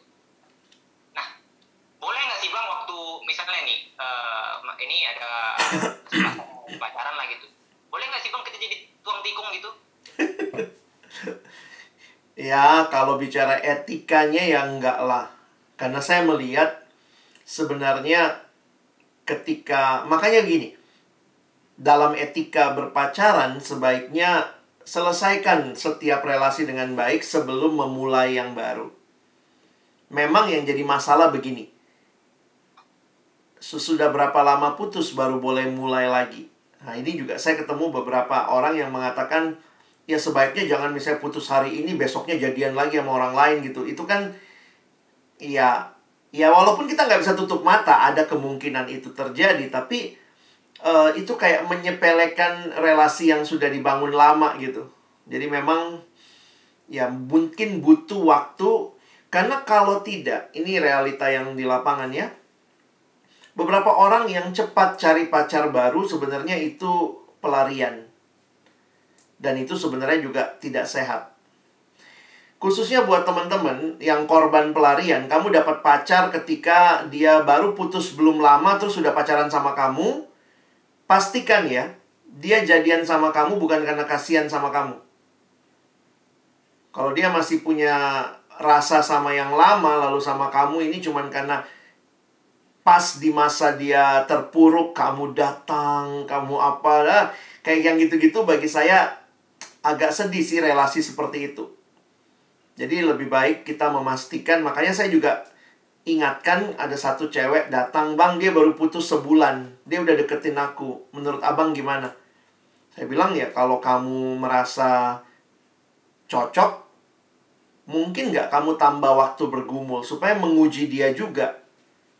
Ya akhirnya mereka sepakat tambah 6 bulan gitu ya untuk bisa menguji juga. Karena kalau tidak, ya bayangkan ya misalnya dia tiba-tiba jalan sama kamu tapi sebenarnya yang di dompetnya masih ada foto pacarnya gitu yang udah 6 tahun pacaran sama dia kan gimana perasaanmu ya kira-kira begitulah nggak mudah deh nggak mudah tuh. ada awal ada akhir ya, teman-teman. Oke, tadi aku mau lihat ada yang raise hand, ada Bang Polisan mungkin boleh langsung on mic on cam, Bang. Iya, eh, shalom semuanya teman-teman. halo Pertanyaan eh, Bang Alex begini, ba- aku ingin bertanya di sisi lain, bagaimana kalau misalkan kita juga sering melihat gitu dan eh, melihat bahwa ada yang misalkan kata selibat gitu. Tetapi aku melihat kata selibat ini bukan kata selibat yang dalam arti eh, negatif atau kurangnya eh, apa ya secara kekristenan gitu. Tapi aku melihat selibat di sini adalah adanya panggilan hidup seperti itu Pak Alex. Nah, aku melihat uh, banyak sekali misalkan orang-orang yang uh, selibat dalam panggilan hidup. Nah, tetapi di sisi lain aku melihat di kejadian 2 ayat 18 seperti yang Bang Alex sampaikan itu bahwa uh, di situ uh, secara teologis itu bahwa uh, nggak baik manusia itu sendiri gitu. Nah, apakah memang ada situ bisa disebutkan sebagai panggilan khusus gitu untuk para uh, biasanya kan uh, wanita ataupun pria gitu uh, dia merasa uh, tidak butuh menikah karena lebih fokus misalkan kepada entah itu penginjilan seperti itu, itu apa atau dia menjadi seorang misi uh, misionaris seperti itu. Nah itu tangg- tanggapan Bang Alex itu bagaimana Bang? baik makasih Kolisan saya melihat, makanya saya bilang tadi, kalau lihat ayat kejadian 2, saya tidak hanya melihat itu dalam konteks pernikahan, tapi saya melihatnya juga dalam konteks lebih luas sebagai kemanusiaan yang membutuhkan manusia lain. Ya, yang saya bilang tadi, manusia makhluk sosial itu sebenarnya rancangan Allah. memang secara eksklusif akhir dari kejadian dua itu Adam dan Hawa di hadapan Tuhan bersatu mereka keduanya telanjang tapi tidak merasa malu. Nah, itu kita menghayatinya sebagai relasi pernikahan. Tetapi secara lebih luas, maka itu ayat itu bagi saya tidak hanya bicara pernikahan. Nah, dalam konteks itulah saya melihat, nah saya saya uh, pikir kita mesti cukup jelas menikah itu panggilan, tidak menikah itu pun juga panggilan. Nah, mungkin yang tadi uh, Kolisan bilang bahwa ada orang yang memang dipanggil untuk misalnya demi pekerjaan Tuhan maka dia selibat tidak menikah. Maka saya melihat itu adalah sesuatu yang panggilan Tuhan yang dinyatakan. Dibilang panggilan khusus, saya juga agak takut itu menjadikan itu seolah-olah khususnya itu lebih tinggi daripada yang lainnya. Saya pikir sih tidak. Jadi makanya saya meyakininya dua-duanya adalah panggilan. Nah, logikanya sederhananya begini. Ada orang yang sudah bisa dengan cepat meyakini tidak menikahnya itu. Tetapi ada orang lain yang memang dia jalanin aja hidup sampai kemudian dia dapat pasangan. Jadi, saya harus ingatkan bahwa menjadi single itu ya harus dijalani sebelum kamu menikah, kamu single. Tetapi sesudah kamu menikah, ketika misalnya pasangan kita meninggal duluan, kamu single lagi. Jadi jangan melihat uh, menikah panggilan, tidak menikah bukan panggilan atau itu panggilan lebih khusus. Saya melihatnya kepada begini, baik kamu menikah maupun kamu tidak menikah, kamu dipanggil melayani Tuhan. Nah, tetapi ada orang-orang dalam panggilan yang yang lebih jelas Tuhan berikan, dia mengambil uh, komitmen langsung tidak menikah, misalnya kayak pastor, suster. Tapi buat teman-teman yang lain, selama engkau belum menikah, maka engkau single, tetap layani Tuhan. Jadi jangan kesannya nanti kalau nanti saya masuk dalam selibat lah baru saya mengkhususkan diri melayani Tuhan. Mungkin kalau kalian mau lebih jelas, bisa dengarkan penjelasan di YouTube saya dari Pastor Yosia Yusuf, ya. Dia membahas soal singleness. Nah, bagi saya uh, pendapatnya Yosi, uh, Pastor Yosi cukup clear ya, bahwa ini dua-duanya panggilan. Jadi jangan merasa, karena dulu juga saya punya pemahaman begitu. Panggilan umum tuh menikah. Tidak menikah itu panggilan khusus. Tapi ternyata kan banyak orang sebelum menikah pun sebenarnya dia kan single. Makanya saya harus ingatkan ya, dua-duanya panggilan yang dua-duanya harus dipakai untuk memuliakan Allah. Sebelum kamu menikah, kamu single. Kira-kira sesudah kamu menikah, kamu mungkin single lagi karena uh, salah satunya meninggal. Jadi, kalau kamu mungkin kaitkan dengan yang khusus-khusus itu ya, yang dapat panggilan khusus yang orang bilangnya panggilan khusus karena kayak disumpah gitu ya, selibat. Tapi di dalam kekristenan, karena kita yang mungkin sebagian besar bukan Katolik, kalau di Katolik itu kan ada janji sumpah setia. Terus buat kita yang Protestan, gimana menghayati selibat? Ya hayatilah selama kamu single, ya kamu belum menikah, ya kamu tanda kutip selibat. Mungkin konsep umumnya begitu kali. Baik, Bang Alex. Terima ya, kasih, Bang. Sama-sama. Bang Alex, thank you. Uh, ini ada yang DM saya dari presiden hmm. pribadi, mungkin anaknya introvert kali ya. Terus nggak mau disebut di, namanya. Terus juga ya namanya. Nah dia ini ada nanya, Bang, kalau kita lagi kagum dengan seseorang, tapi dia bukan anak persekutuan, cuma kan dia seiman, gimana cara kita mengetahui pertumbuhannya yang selama ini kita lihat kehidupannya baik? Bagaimana proses untuk lebih yakin ya, meyakinkan diri gitu, Bang? Iya, thank you ya. Kita butuh relasi sih ya, dan relasi itu harus diciptakan. e, kamu lihat artis Korea hidupnya baik, dia Kristen, kamu juga bisa kagum tuh ya. Tapi apakah dia cocok jadi teman hidup yang mesti bangun relasi? Nah, bangun relasinya ini gimana? Nah, ini yang saya tanyakan, mungkinkah pakai orang lain yang memperkenalkan kalian gitu? Dan termasuk juga masuk akal nggak misalnya aksesibel nggak? Jangan sampai dia ada di negara mana, terlalu jauh dari kita. Walaupun tidak ada yang mustahil dengan dunia yang borderless begini ya, tapi saya tetap melihat uh, ya Tuhan kasih kita akal budi lah untuk berpikir. Nah, bagaimana menciptakan hal itu ya? Kalau Pak Mangapul Sagala mengatakan ciptakanlah kebetulan-kebetulan yang direkayasa. ya. Jadi misalnya Nah, ada lah ya saya ini saya buka kartu sedikit tapi mudah-mudahan orangnya nggak ada di sini ya.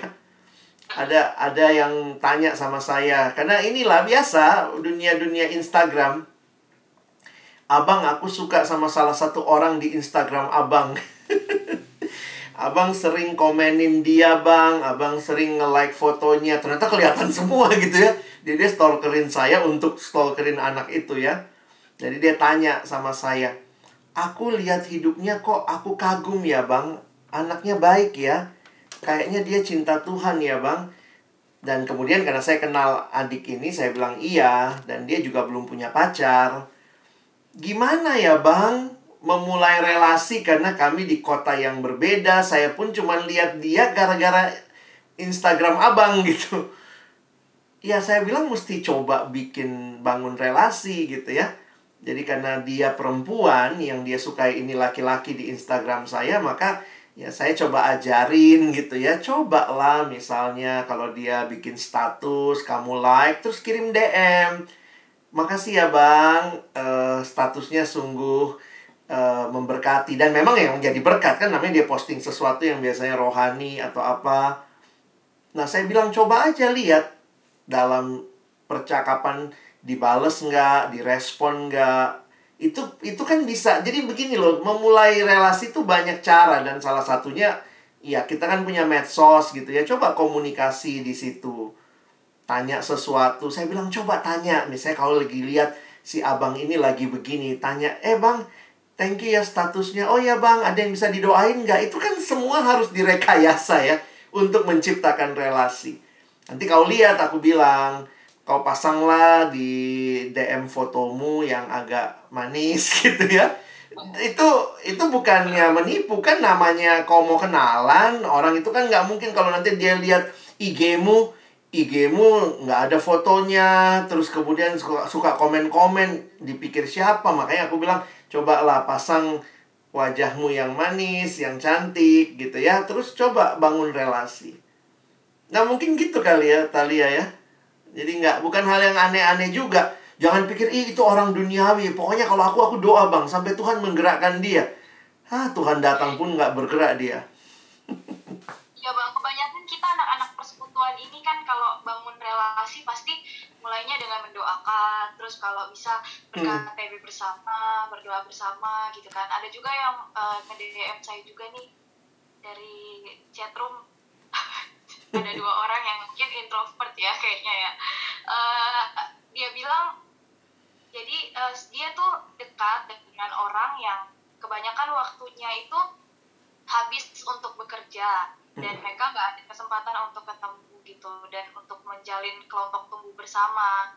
Nah uh, dia minta tips gitu bang. Apa yang saya dan dia bisa lakukan untuk bisa lebih bertumbuh lewat masa perkenalan ini? Terima kasih Thank you ya. Sorry dek, saya juga kelewat tadi kamu DM ke abang juga ya. Thank you tadi udah Talia bacain. Jadi kalau saya melihatnya begini. Ya? ya? Kok nggak ada yang DM ke aku gitu bang?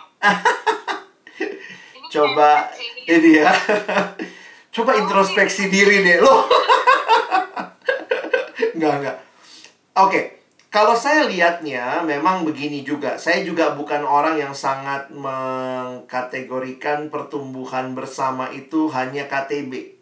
KTB itu sangat-sangat baik kalau bisa terjadi. Tetapi saya dengan istri coba melihat adalah bagaimana kita menghabiskan waktu bersama termasuk uh, kayak belajar menggumulkan hal-hal yang membutuhkan pandangan Kristiani ya kira-kira gitu jadi poin abang sebenarnya begini tipsnya ya selain kalau memang KTB susah poinnya ciptakan ciptakan suasana rohani waktu kalian bertemu waktu pacaran kirimlah voice notes, kamu mendoakan dia. Terus kalau mungkin dia tidak terbiasa berdoa, bilanglah, Bang, aku pingin denger dong, abang doain aku. Cobalah di tengah kesibukan abang, kirimlah satu menit apa doa abang untukku. Itu sebenarnya hal-hal yang maksudnya, jadi jangan tunggu KTB baru rohani. Tapi dalam percakapan seminggu sekali, nggak usah tiap hari juga minta satu menit doakan aku. Jijik juga orang itu bilang ya aku juga sibuk deh gitu ya. Tapi mari kita belajar tukar-tukar hal yang mungkin kamu bisa kirimkan saat teduhmu hari itu.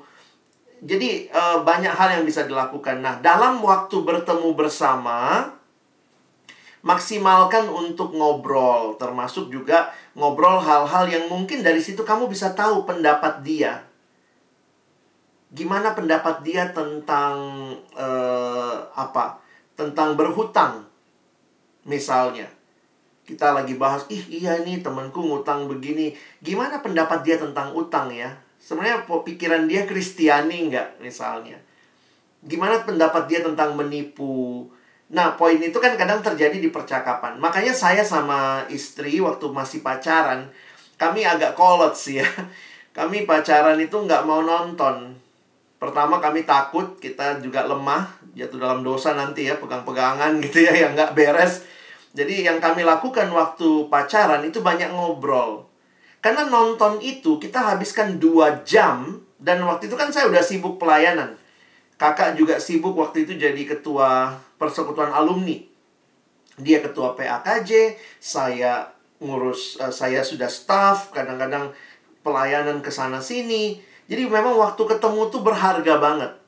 Nah, makanya waktu bersama itu kita biasa diskusi, ngobrol, kalau nonton film itu kan kamu diem, saya diem, kita lihat hal yang sama, tapi nggak ada komunikasi. Jadi makanya maksimalkan, bukan hanya nonton, silakan nonton juga nggak apa-apa ya, asal bisa jaga kekudusan, jangan main-main sama gelap-gelap ya. Tapi sisi yang lain, maksimalkan pertemuan untuk ngobrol supaya bisa tahu juga. Kalau ternyata kamu lihat, wih pikirannya nggak kristiani banget tentang hal itu. Nah, nanti kamu bisa jadi Nggak mesti pakai bahan KTP. Kamu cariin, Bang, ada artikel ini, Bang. Aku dapat di warung sate kamu. Kayaknya abang perlu deh baca ini. Nah, kirimkan sama dia. Jadi kerohanian itu dibangun dalam keseharian.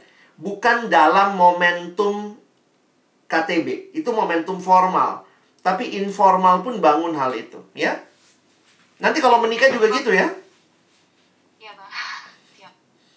Nah, yang terkait kekudusan ini tadi Bang ada mm -hmm. sedikit kan ya terkait keputusan uh, aku pernah baca tuh bang dari bukunya uh, yang ditulis sama Philip Mantova uh, hmm. salah satu pembicara yang cukup terkenal juga hmm. untuk di gereja karismatik Mawar Sharon ya nah itu uh, seingat saya bukunya yang berjudul Before 30 nah itu tentang pengalaman hidup dia gitu gimana dia mengenal Tuhan terus yeah.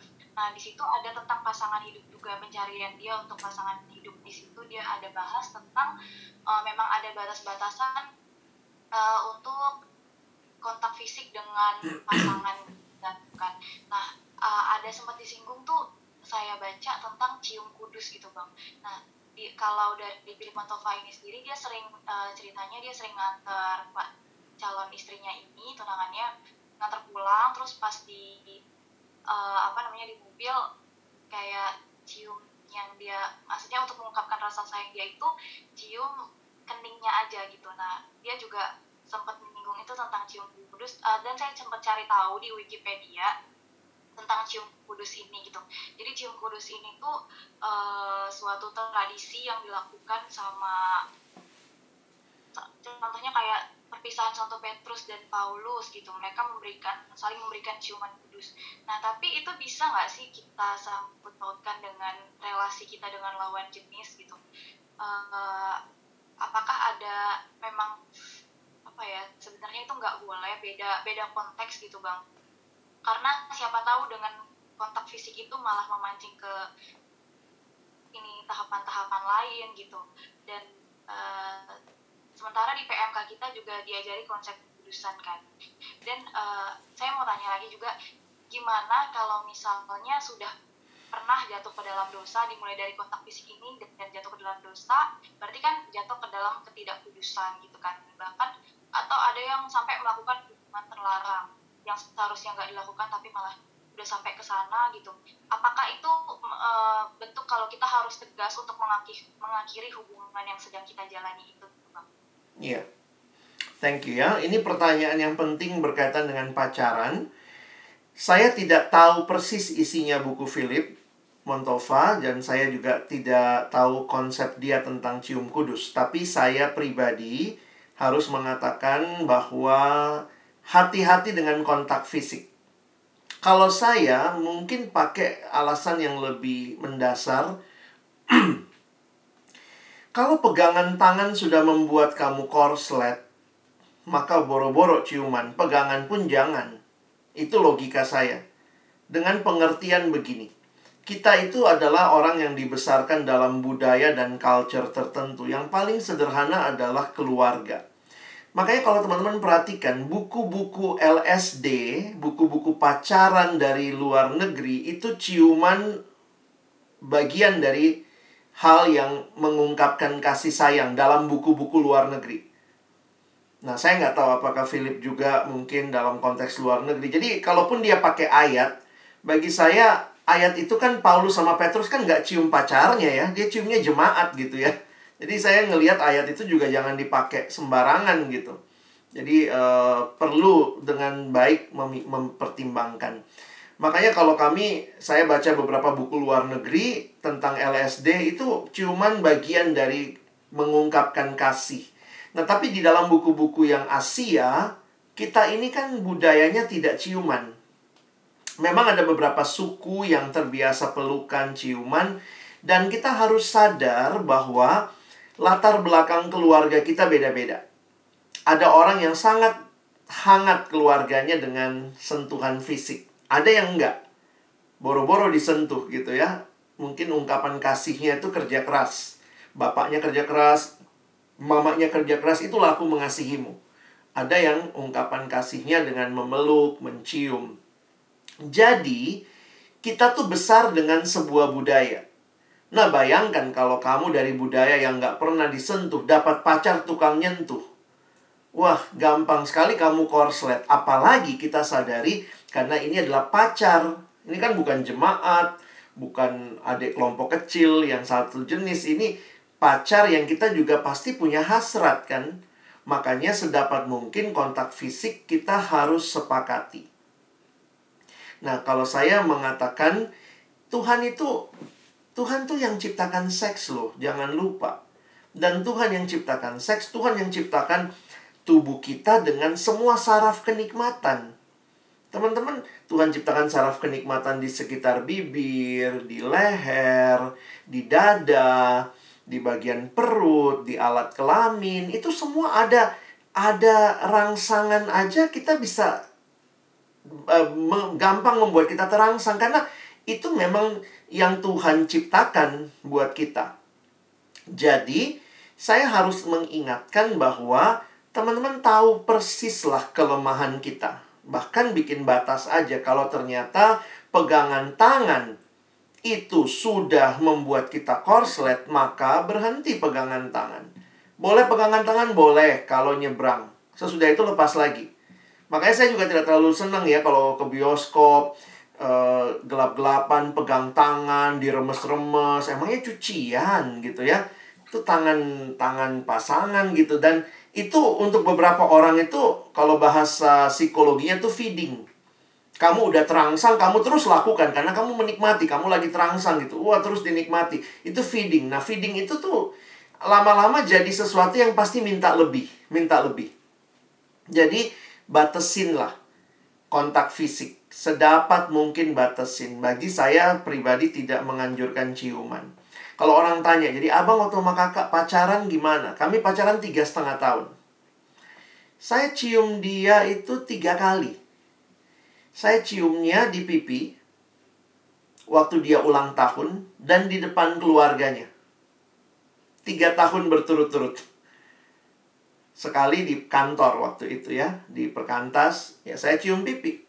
Jadi bukannya ciuman berdua, lips to lips ya, mulut ke mulut, nikmatin itu. Bagi saya saya harus ingat saya saya waktu itu bilang sama kakak juga ya, saya lemah. Jadi saya waktu itu banyak aturannya waktu pacaran. Saya bilang sama dia, saya lemah ya, jadi tolong jaga saya juga. Walaupun saya hamba Tuhan, saya juga punya nafsu. Ingat loh, Tuhan yang ciptain nafsu. Yang nggak boleh tuh hawa nafsu kan. Jadi satu kali dia gelendotan, lagi jalan dia gelendotan di lengan saya. Terus saya bilang, dek lepasin. Apa sih abang, eh, cuman ini aja, lepasin. masa nggak boleh ya mau selamat nggak lepasin gitu ya karena saya tahu gitu loh saya lemah gitu saya disentuh juga gampang terangsang gitu nah jadi akhirnya saya sadar ya. Nah teman-teman mesti bisa batasin. Nah bagaimana dengan kamu yang mungkin sudah kelewatan jatuh dalam dosa? Saya harus ingatkan setiap dosa termasuk dosa seksual ada konsekuensinya. Ya ada konsekuensinya. Tetapi di balik semua itu Tuhan Tuhan yang mengasihi dan mengampuni. Tetapi konsekuensinya ya tetap jadi bagian kita. Apa bedanya konsekuensi sama pengampunan Tuhan? Jadi jangan mempermainkan pengampunan Tuhan karena Tuhan ngampunin ya udah bikin dosa lagi. Saya kasih contoh begini. Ada yang datang, "Bang, kami sudah lakukan hubungan terlalu jauh, pacar saya hamil." Maka saya akan minta mereka meminta ampun di hadapan Tuhan mengaku dosa di hadapan Tuhan. Dan saya harus pastikan Tuhan pasti mengampuni. Ketika kamu datang dengan hati yang hancur, mengaku dosa. Tetapi konsekuensi, emangnya waktu Tuhan ampuni kami, kami minta ampun, amin. Begitu amin langsung bayinya hilang. itu konsekuensi. Yang ada di perut itu konsekuensi. Nah, konsekuensi dosa itu yang memang kadang tidak mudah. Nah, Konsekuensi dari hubungan seksual sebelum waktunya adalah dua kemungkinan, rasa bersalah atau malah saling merendahkan. Nah, ini yang kadang-kadang menyedihkan. Ada perasaan tidak berharga, tapi kemudian ada juga yang merasa kayak disepelekan, ada yang kena penyakit baru, penyakit curigation. Jadi kemudian saya tanya sama dia, ada satu orang yang uh, satu pasangan kan, terus dia bilang gini, iya bang, sekarang kalau pacar saya ke mana-mana saya curiga. Jadi dia kena penyakit curigation ya. Dia selalu tanya, lagi di mana? Terus pacarnya balas, di kampus, dek. Lagi ngapain? Lagi makan siang. Sama siapa aja? Nama-namanya siapa? Fotoin, fotoin. Saya bilang, kenapa pacarmu curiga begitu? Jadi saya pancing-pancing, dia bilang, iya bang, kami sudah melakukan. Dan pacarnya ini, pengertian konsepnya apa? Kalau dengan aku dia bisa melakukan, bisa jadi dia melakukan sama yang lain juga. Jadi itu curiganya luar biasa. Jadi memang hubungan yang belum pada tempatnya itu cenderung punya dampak yang tidak baik. Jadi kalau orang bilang hubungan seks itu menciptakan keintiman, di dalam hubungan seks sebelum nikah, saya tidak melihat menciptakan keintiman, tapi menciptakan kecurigaan. Jadi bagi teman-teman yang sudah jatuh dalam dosa, minta ampun di hadapan Tuhan, langkah pemulihannya bagaimana? Carilah orang-orang yang bisa menolong pacaranmu. Misalnya kakak pembimbing ya, mintalah dibimbing, tolongin kami berpacaran, lalu settinglah, jangan ketemu di kosan, jangan ketemu di rumah, ketemulah di tempat umum. Tetapi kalau kamu merasa tidak bisa, tiap kali udah dijalani jatuh lagi, tiap kali jalani jatuh lagi, maka saran saya putus dulu. Nah, saya juga nggak langsung bilang kalau sudah jatuh dalam dosa seksual langsung putus karena saya melihat juga kadang-kadang tidak mudah ya, harus dilayani dalam arti ditolong, dikonseling. Tapi kalau ternyata tidak bisa, kalian jatuh terus, jatuh terus untuk beberapa konteks, saya bilang putus deh. Kecuali kalian siap menikah nih. Akhiri persinahan kalian kan. Karena kalau enggak kan terus bersinah, terus bersinah gitu ya. Alkitab bilangnya itu sinah soalnya ya. Walaupun orang bilang, istilah manisnya selingkuh hubungan seks sebelum nikah itu bahasa Alkitab cuma satu, sinah gitu ya.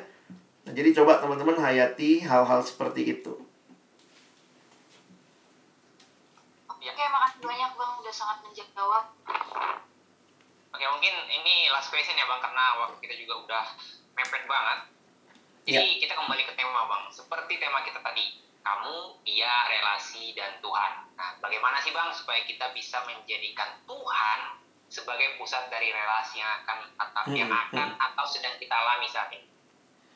Saya tutup mungkin dengan ayat 1 Korintus 10 ayat 31 ya. Dalam ayat ini Paulus mengatakan, "Jika engkau makan atau jika engkau minum atau jika engkau melakukan sesuatu yang lain, lakukanlah semuanya itu untuk kemuliaan Allah." Sebenarnya waktu lihat ayat ini secara sederhana saya pikir gini ya. Kayaknya receh banget ya kata anak sekarang ya. Makan aja untuk kemuliaan Tuhan minum aja untuk kemuliaan Tuhan. Atau jika engkau melakukan sesuatu yang lain, maka saya bisa tarik ayat ini juga untuk masalah pacaran. Masa makan untuk kemuliaan Tuhan, minum untuk kemuliaan Tuhan, terus pacaran untuk kenikmatan diri. Saya pikir nggak klop ya. Nah jadi sebenarnya seperti yang Jeremy tanya, gimana menjadikan Tuhan segala-galanya? Ingatlah semua yang kamu lakukan, harusnya kamu lakukan di dalam Tuhan. Kiranya itu menolong kita, menjaga kita untuk tetap bisa punya konsistensi untuk fokus sama Tuhan. Teman-teman, Tuhan kasih tiga hal sama kita, ya. Ini sering kali saya ulangi. Pertama, Tuhan kasih roh kudus. Roh kudus itu sudah diberikan diam di hati setiap kita yang percaya untuk memimpin kita. Tuhan kasih roh kudus. Yang kedua, Tuhan kasih firman. Karena itu, hiduplah dalam firman ya. Ingat Firmanmu pelita bagi kakiku, terang bagi jalanku. Bagaimana teman-teman hidup kudus di dunia ini? Mazmur 119 ayat yang ke-6 mengatakan dengan apakah seorang muda mempertahankan kelakuannya bersih dengan menjaganya sesuai firmanmu. Yang ketiga Tuhan kasih kita komunitas. Jadi bagaimana untuk berfokus sama Tuhan? Andalkan Roh Kudus, hidup dalam firman, hidup dalam komunitas. Tuhan kasih teman-teman KTB, teman-teman persekutuan, Tuhan kasih gereja untuk menjaga kita, ya. Jadi memang ini sebuah proses dan di dalamnya biarlah kita memaksimalkan tiga hal yang Tuhan sudah berikan kepada kita sehingga pacaran kita pun relasi-relasi yang kita bangun pun untuk kemuliaan Tuhan. Kiranya ini menolong teman-teman.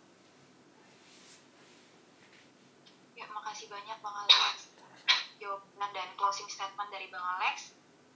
Oke teman-teman, uh, kita udah sampai di penghujung talk show kita pada malam hari ini.